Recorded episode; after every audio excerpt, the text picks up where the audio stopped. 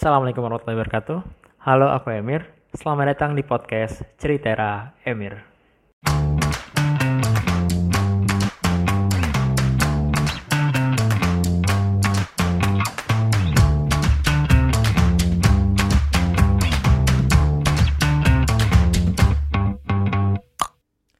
Halo, gimana nih kabarnya? Semoga sehat ya. Walaupun kalau kamu lagi di Jogja, ini sekarang lagi nggak tahu ya. Setiap malam sama sore itu itu pasti hujan dan bisa awet gitu hujannya. Jadi memang deres dan buat kamu mungkin yang kalau malam itu sering GoFood atau GrabFood atau ShopeeFood biasanya jadi lebih mahal ya harganya karena ya karena hujan ya. Tapi at the end uh, yang mau aku sampaikan tetap jaga kesehatan ya uh, buat kamu khususnya karena ya aku nggak mau dong kamu jadi sakit dan nanti nggak bisa dengerin lagi. nggak nggak bercanda ya. Oke, okay. ya selamat datang sebelumnya di episode ke 6 Wow, it's it's kinda big for me karena nggak nyangka sampai episode 6 aku bisa tetap konsisten untuk uh, bisa terus rekaman ya. Dan uh, di episode kali ini aku bakal bahas tentang sesuatu yang mungkin uh, aku udah pernah tulis di medium aku btw. Tapi uh, buat kamu mungkin yang belum pernah baca atau mungkin udah, udah pernah baca tapi kan aku udah sudah lama ya, jadi mungkin udah lupa. Jadi aku coba mungkin bisa membahas lagi ini karena menurutku ini sesuatu yang menarik ya dan uh, lagi-lagi sesuatu yang menarik yang aku temukan sendiri uh, itu jadi apa ya buat aku tuh jadi aku senang banget bisa sharing ini ke kamu. Nah jadi gini ceritanya tuh gini. Kamu merasa ini gak sih uh, bertanya-tanya gak sih uh, kenapa kalau kamu tahu ada namanya Republik Irlandia ada yang namanya uh, Irlandia Utara. Nah itu adalah dua negara yang berbeda ya. Uh, sampai sekarang itu masih dua negara yang berbeda. Dan yang satu Irlandia Utara gitu ya itu masuk ke dalam Great Britain atau masuk ke dalam uh, ke apa ya di bawah kuasaannya Ratu Inggris. Sementara Republik Irlandia enggak. Republik Irlandia ini hanya ya udah dia uh, negara yang merdeka kayak gitu. Nah ya memang awalnya uh, Irlandia ini tentu ini ya jadi uh, banyak konflik ya di sana kalau mungkin kamu pernah dengar soal uh, eh, IRS uh, eh, atau uh, yang memang pasukan-pasukan pemberontak di sana uh, itu menarik buat dibaca uh, dan ya menurutku cukup brutal juga sih uh, cerita-cerita perangnya. Tapi yang mau aku bahas ini adalah tentang uh, sebuah uh, kejadian dan fenomena yang mana ini uh, dibahas dalam satu buku yang memang aku suka banget bacanya. Jadi gini, uh, di tahun 1968 itu adalah tahun yang cukup kelam ya bagi uh, Irlandia terutama uh, lokasinya khususnya begitu ya di Irlandia Utara. Jadi tadi seperti aku bilang Irlandia Utara ini adalah salah satu negara di bawah kekuasaannya Ratu Inggris atau Britania Raya. Nah, kejadian di tahun 1968 ini tentu bisa jadi banyak pelajaran gitu ya. Gak cuma buat Irlandia aja gitu, gak cuma buat Inggris, tapi buat seluruh negara yang ada di dunia. Kenapa? Karena kejadian itu begitu ya itu merenggut kurang lebih 3.500 korban jiwa dan lebih dari 30.000 korban yang terluka gitu ya. Dan ini menjadi uh, salah satu uh, kisah perang sipil yang paling memilukan sepanjang sejarah. Kisah ini adalah sebuah kisah tentang peperangan antara penganut loyal yang berusaha sekuat-kuatnya mempertahankan hak mereka bahkan sekedar sebagai manusia aja. Nah, kisah ini diabadikan dengan nama The Troubles. Jadi The Troubles ini menceritakan antara uh, kericuhan atau kekerasan yang sangat masif antara penganut kepercayaan Protestan dan uh, kepercayaan Katolik begitu ya, yang cukup dahsyat, bukan cukup dahsyat ya, dahsyat banget kayak gitu. Nah, Kisah ini diawali oleh keinginan Republik Irlandia untuk menggabungkan secuil tanah Irlandia yang saat itu sudah dikuasai oleh Inggris Raya. Nah, e, kalau kamu buka peta, jadi Irlandia itu tuh gede, Nah, di ujungnya itu secuil tuh ada kecil yang digarisin. Nah, itu adalah Irlandia Utara. Jadi uh, di ujung utaranya itu tuh ada Irlandia Utara, sementara yang gede itu namanya Republik Irlandia kayak gitu. Nah, ujung yang kecil itu tuh uh, dikuasai sama Inggris Raya gitu ya dan Republik Irlandia itu mau negaranya itu bersatu secara utuh kayak gitu. Nah, permasalahan mendasar adalah perbedaan kepercayaan. Jadi mayoritas orang-orang Irla Republik Irlandia itu kepercayaannya Katolik. Sementara uh, mayoritas orang-orang di Irlandia Utara itu kepercayaannya uh, Protestan kayak gitu.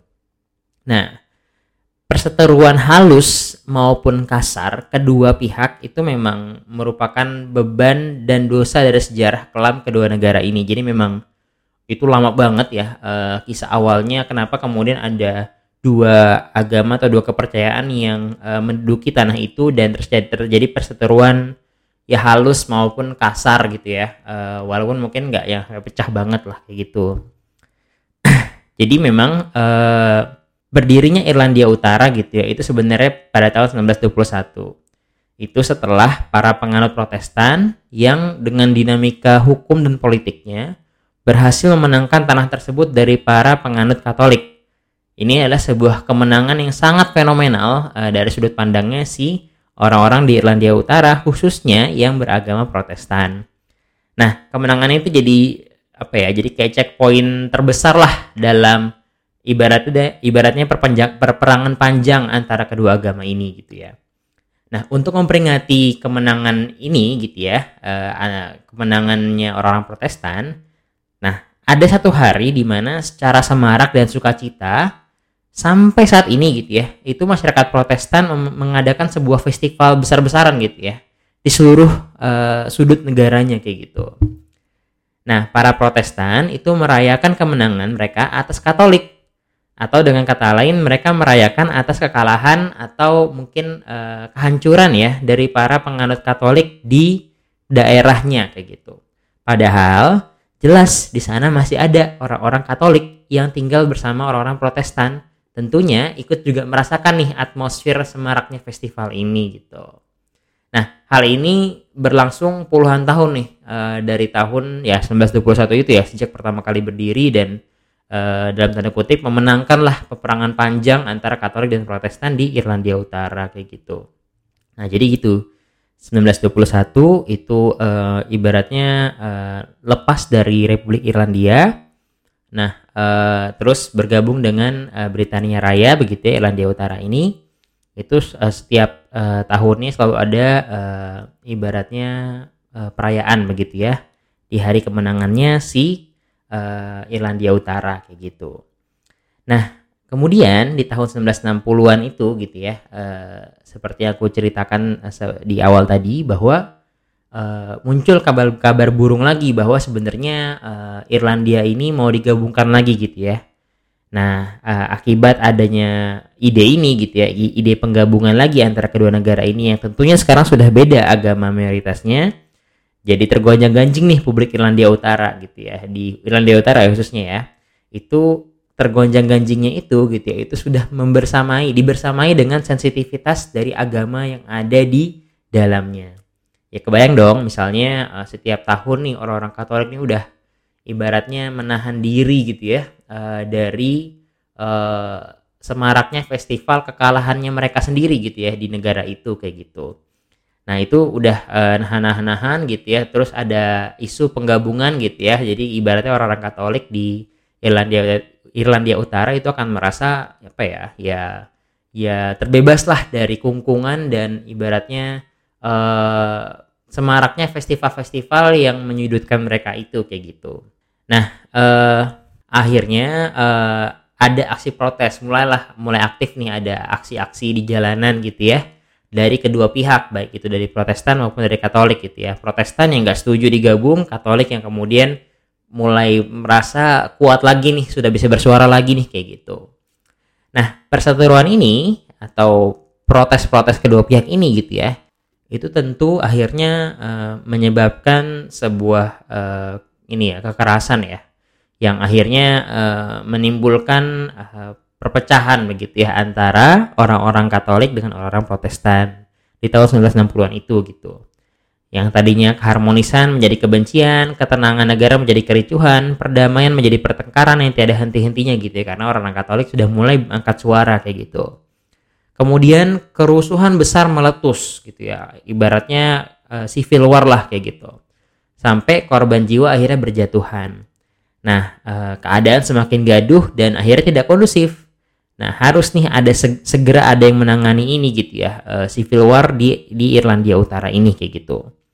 Nah, pemerintah Inggris sebagai induk pemerintahannya Irlandia Utara gitu ya, kemudian mengirimkan pasukan bersenjata untuk menyelesaikan ini. Nah, jadi di sana hadir harapannya uh, pihak ketiga yang sifatnya itu netral ya, yang berusaha menyelesaikan konflik antara orang-orang Protestan dan orang-orang Katolik.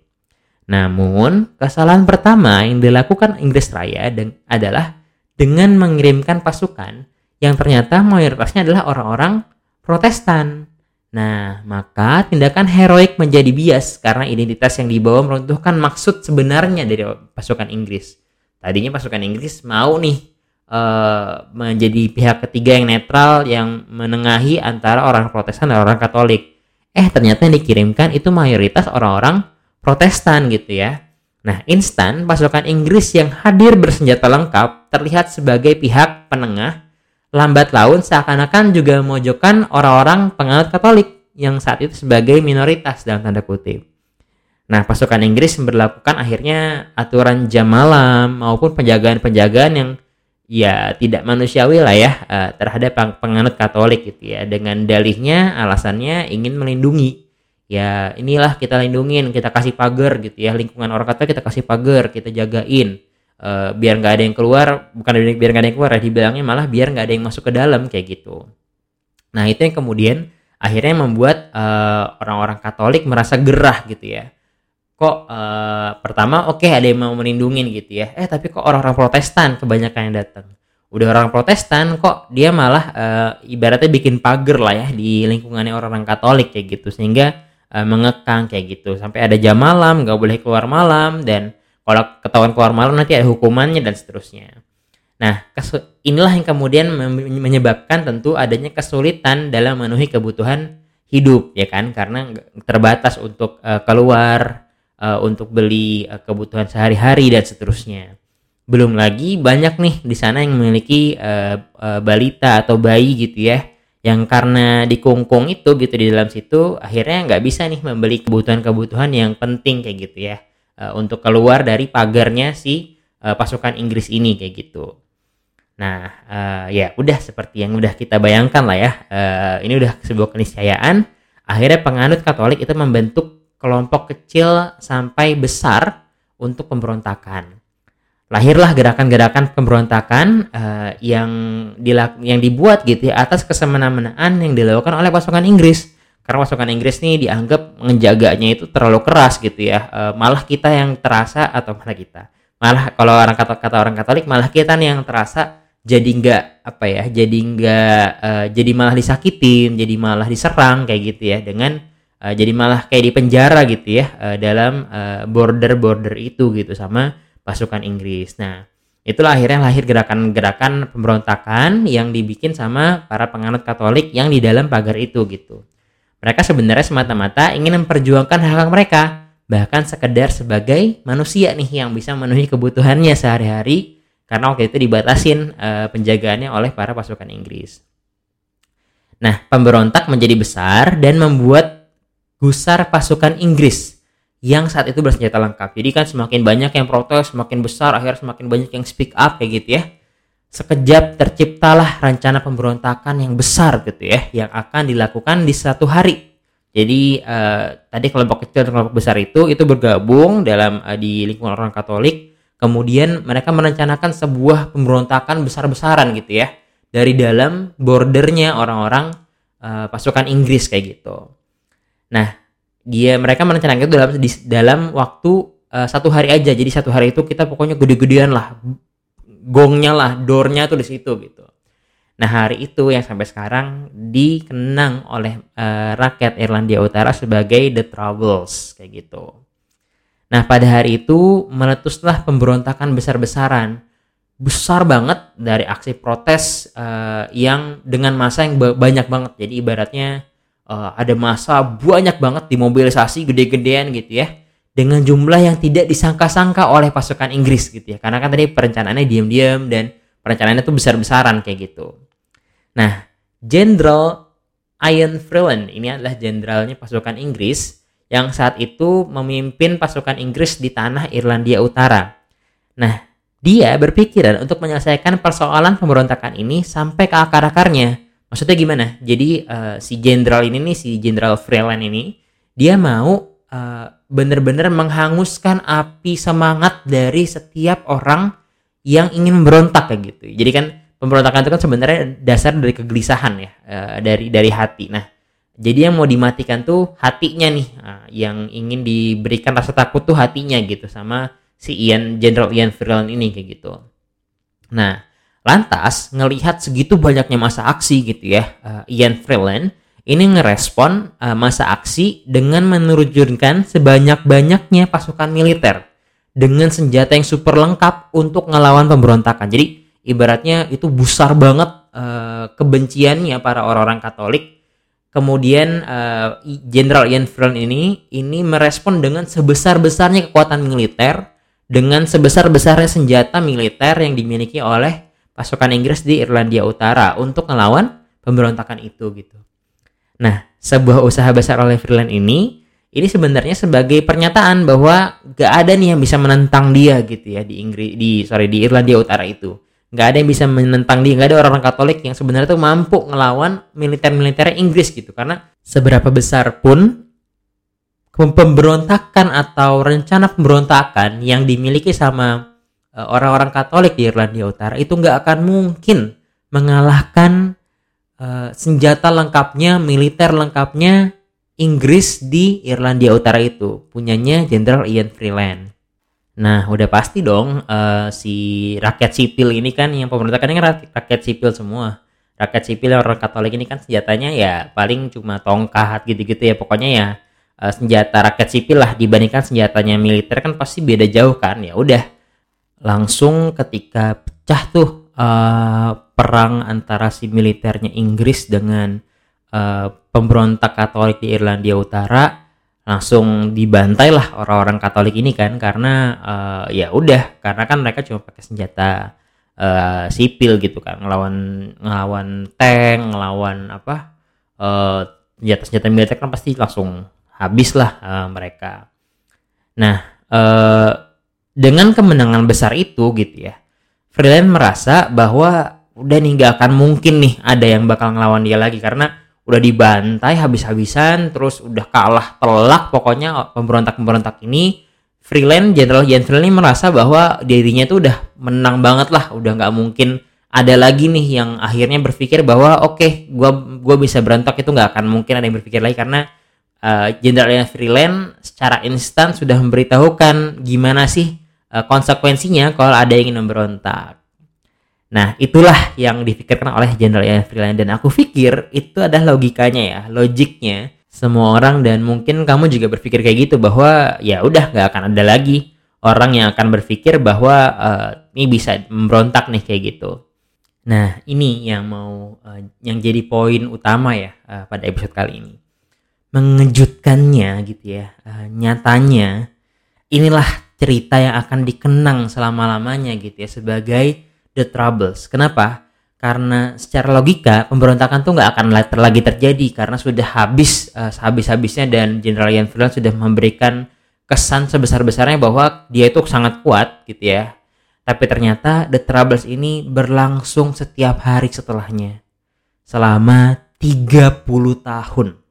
Bayangin, di hari itu Jenderal Efraim merasa hari itu adalah hari kemenangannya dia.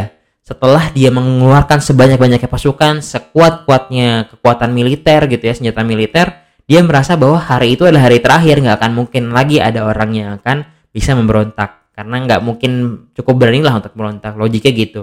Tapi ternyata setelah pembantaian itu, 30 tahun setelahnya, The Troubles masih terjadi. Masih terjadi pemberontakan di tanah Irlandia Utara oleh orang-orang Katolik terhadap orang-orang Protestan bukan terhadap pasukan Inggris yang menjaga mereka gitu ya di situ. Nah, 30 tahun itu tentu makan ribuan jiwa gitu ya, merugikan negara miliaran dolar. Bukan dolar mungkin ya, pound sterling gitu ya. Bahkan konflik agama ini gitu ya, itu menjadi beban sejarah besar bagi banyak aspek hidup masyarakat Irlandia Utara hingga detik ini. Bayangin aja dulu pernah terjadi pembantaian 30 tahun 30 tahun coy bayangin. Aku aja belum sampai 30 tahun dari pertama kali hidup. Itu udah lama banget. Sampai sekarang tuh masih lama banget nih belum selesai kayak gitu. Nah itu pasti uh, jadi beban sejarah banget buat Irlandia Utara sampai detik ini secara kultur secara interaksi mungkin ya.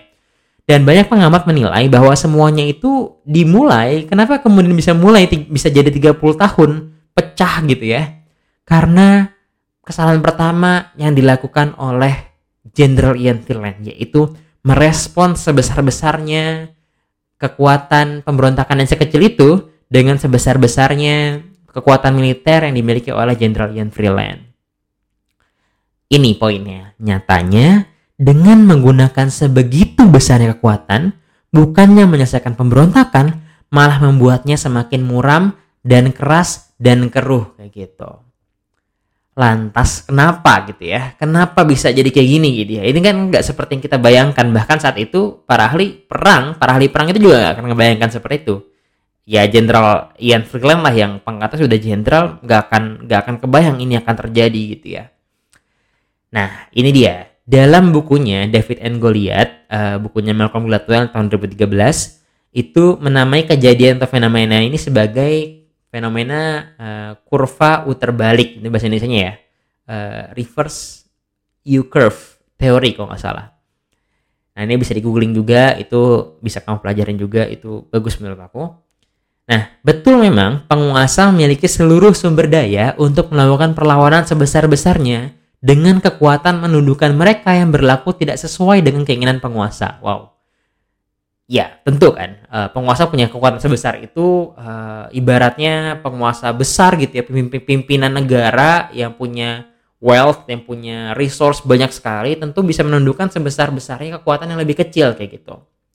Nah, tapi ternyata hasilnya begitu ya, itu malah menjadi sesuatu yang berketerbalikan dari apa yang diharapkan, yang kita pikirkan kayak gitu. Contoh, uh, ini coba nggak jauh-jauh ke perang ya kita coba yang lebih sederhana uh, mungkin kamu pernah ngerasain atau mungkin pernah lihat gitu ya ketika SD atau SMP uh, eh, pernah kenal temen yang nakal atau bahkan kamu yang nakal gitu ya.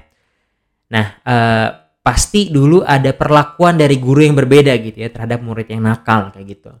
Nah malah kadang kalau mungkin uh, apa di sekolah-sekolah yang mungkin belum ini ya belum uh, modern gitu dalam tanda kutip banyak mungkin guru-guru yang masih uh, main tangan, main penggaris gitu ya. Kalau ada murid yang nakal, masih di uh, sabet-sabetin kayak gitu. Mas, pokoknya makin nakal makin kenceng sabetnya gitu kan. Makin parah kenakalannya, makin banyak hukumannya dan seterusnya.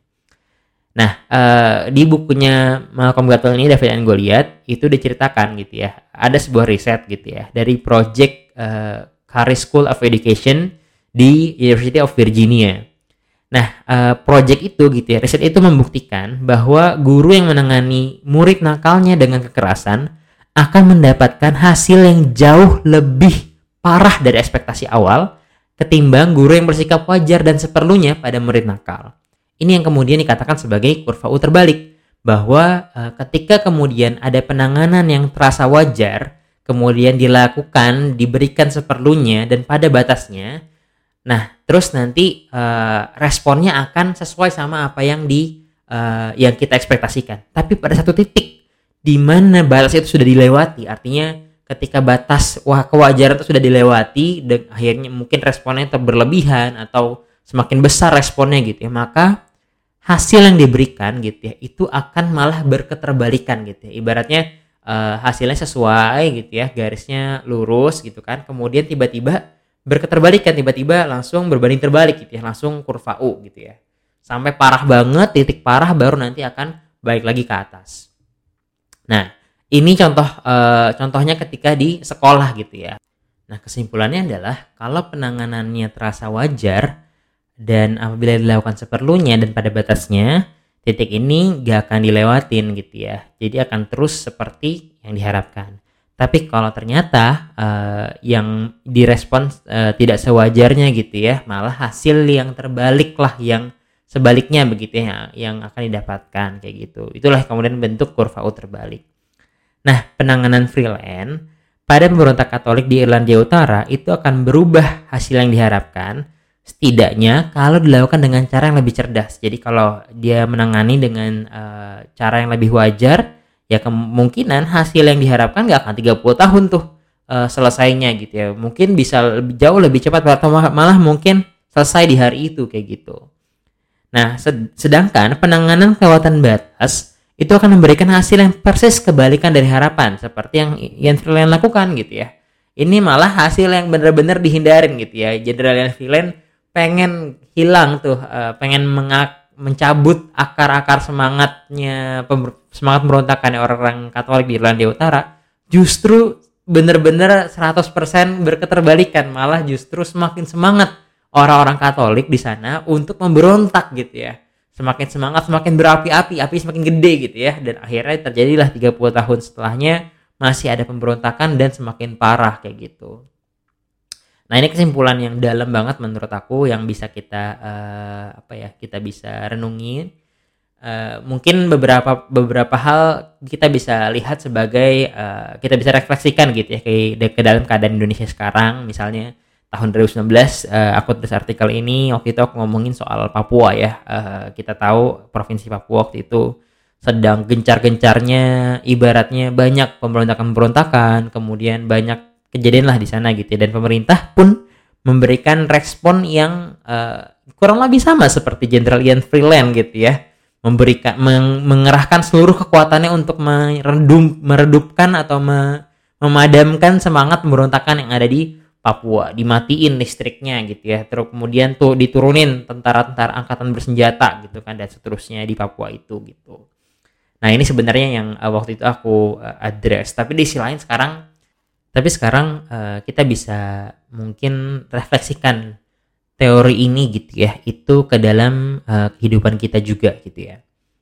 Mungkin kamu pernah ngerasa uh, ketika you want to achieve something uh, dan itu something big gitu ya, you're pushing yourself too hard gitu ya. Jadi uh, akhirnya kita terlalu menekan diri kita gitu ya, terlalu bikin target yang besar banget gitu ya sampai akhirnya uh, ketika kita saat mungkin saat kita bikin target kita semangat gitu ya. Tapi ketika kita hilang semangatnya sedikit aja gitu ya tiba-tiba akhirnya kita malah berada di keadaan yang jauh lebih parah dari berketika kita titik awal uh, mulai kayak gitu. Nah uh, ya banyak ya contohnya ya ketika kita pushing ourselves to hurt. Dan ibaratnya kalau aku pernah dengar di uh, podcast 30 Days of Lunch itu kayak kita main ketapel main ketapel itu itu uh, kan kalau kita taruh batu ya atau apa sih uh, biasanya kalau buat ketapel tuh kita tarik gitu kan. Nah semakin kita tarik semakin jauh gitu ya. Kalau kita lepas misalnya tangan kita udah nggak kuat tangan kita udah capek gitu kita tarik terus kalau kita lepas itu akan semakin jauh dia melontarkan uh, bouncing itu akan semakin jauh ya apa lentingan itu akan semakin jauh gitu. Nah itu persis kalau kita uh, berusaha misalnya changing our habit 103 160 180 derajat gitu ya bener-bener yang uh, berketerbalikan banget tiba-tiba. Tapi terus kita pushing ourselves too hard ya bener banget sih uh, kita tetap harus dalam tanda kutip hustling misalnya atau uh, ya kita harus benar-benar berdarah-darah untuk bisa sukses ya oke okay, gitu ya. Tapi di sisi lain jangan sampai nih ketika kita capek narik si tangan tadi si ketapel itu ketika kita nggak sengaja kecolongan misalnya ya lepas terus kita akhirnya bouncing malah jadi jatuh dalam banget. Tadinya kita mau changing our habit misalnya gampangnya mau bangun pagi eh, mau bangun subuh gitu ya dan subuh mau bangun uh, mau sholat sunnah uh, qobliyahnya subuh gitu kan sebelum sholat subuh dua rakaat gitu misalnya.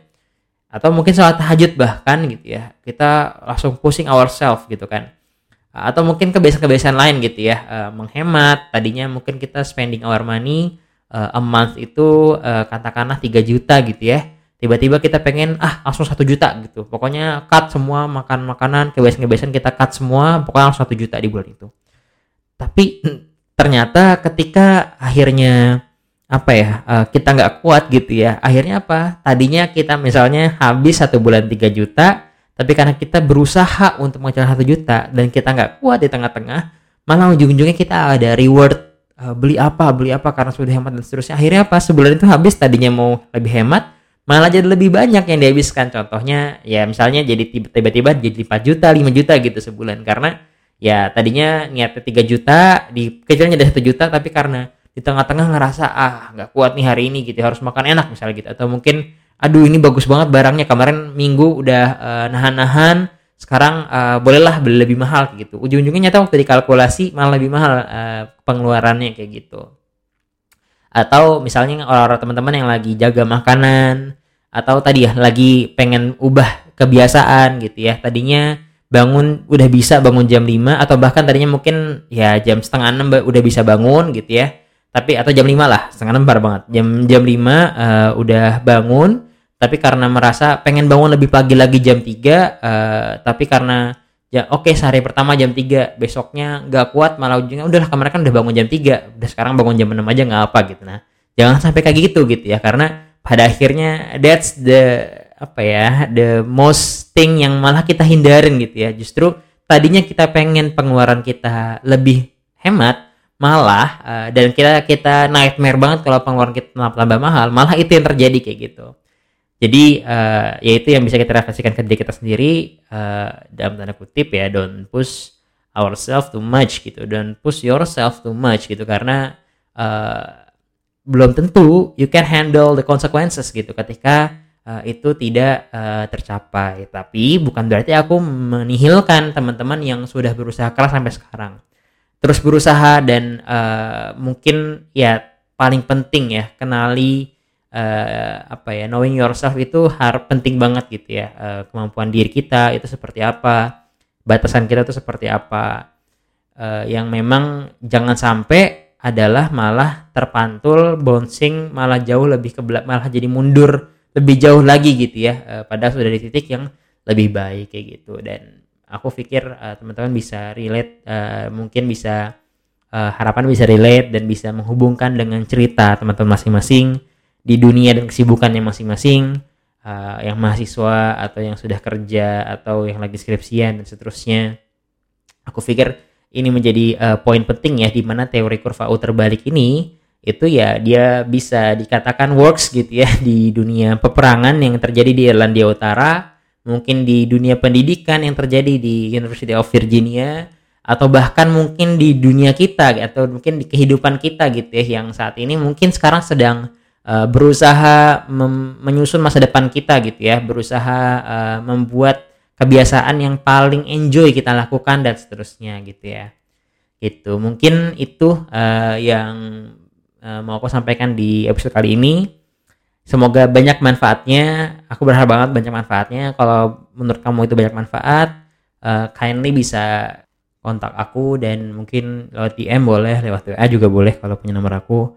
Uh, kalau ya we can we can discuss about this. Uh, what do you think about uh, my story or what do you think about this uh, specific uh, thing tentang teori kurva terbalik? Aku rekomendasiin banget kamu baca bukunya David dan Goliath. Uh, itu menceritakan tentang kalau dari judulnya David dan Goliath ya gimana uh, si kecil bisa mengalahkan si besar. Itu semua isinya banyak soal research researchnya Malcolm Gladwell atau research research yang lain yang dikumpulkan menjadi sebuah uh, narasi dan ide besar. Menurutku itu sangat baik. Banyak banget cerita-ceritanya termasuk cerita teori kurva terbalik ini gitu gitu mungkin uh, di episode kali ini. Sekali lagi aku ucapkan makasih buat kamu yang udah dengerin. Lagi-lagi uh, above 20 20 minutes ya. Semoga bisa didengarkan sampai akhir. Uh, ya sehat-sehat selalu. Sampai ketemu lagi di episode selanjutnya. Aku pamit undur diri. Wassalamualaikum warahmatullahi wabarakatuh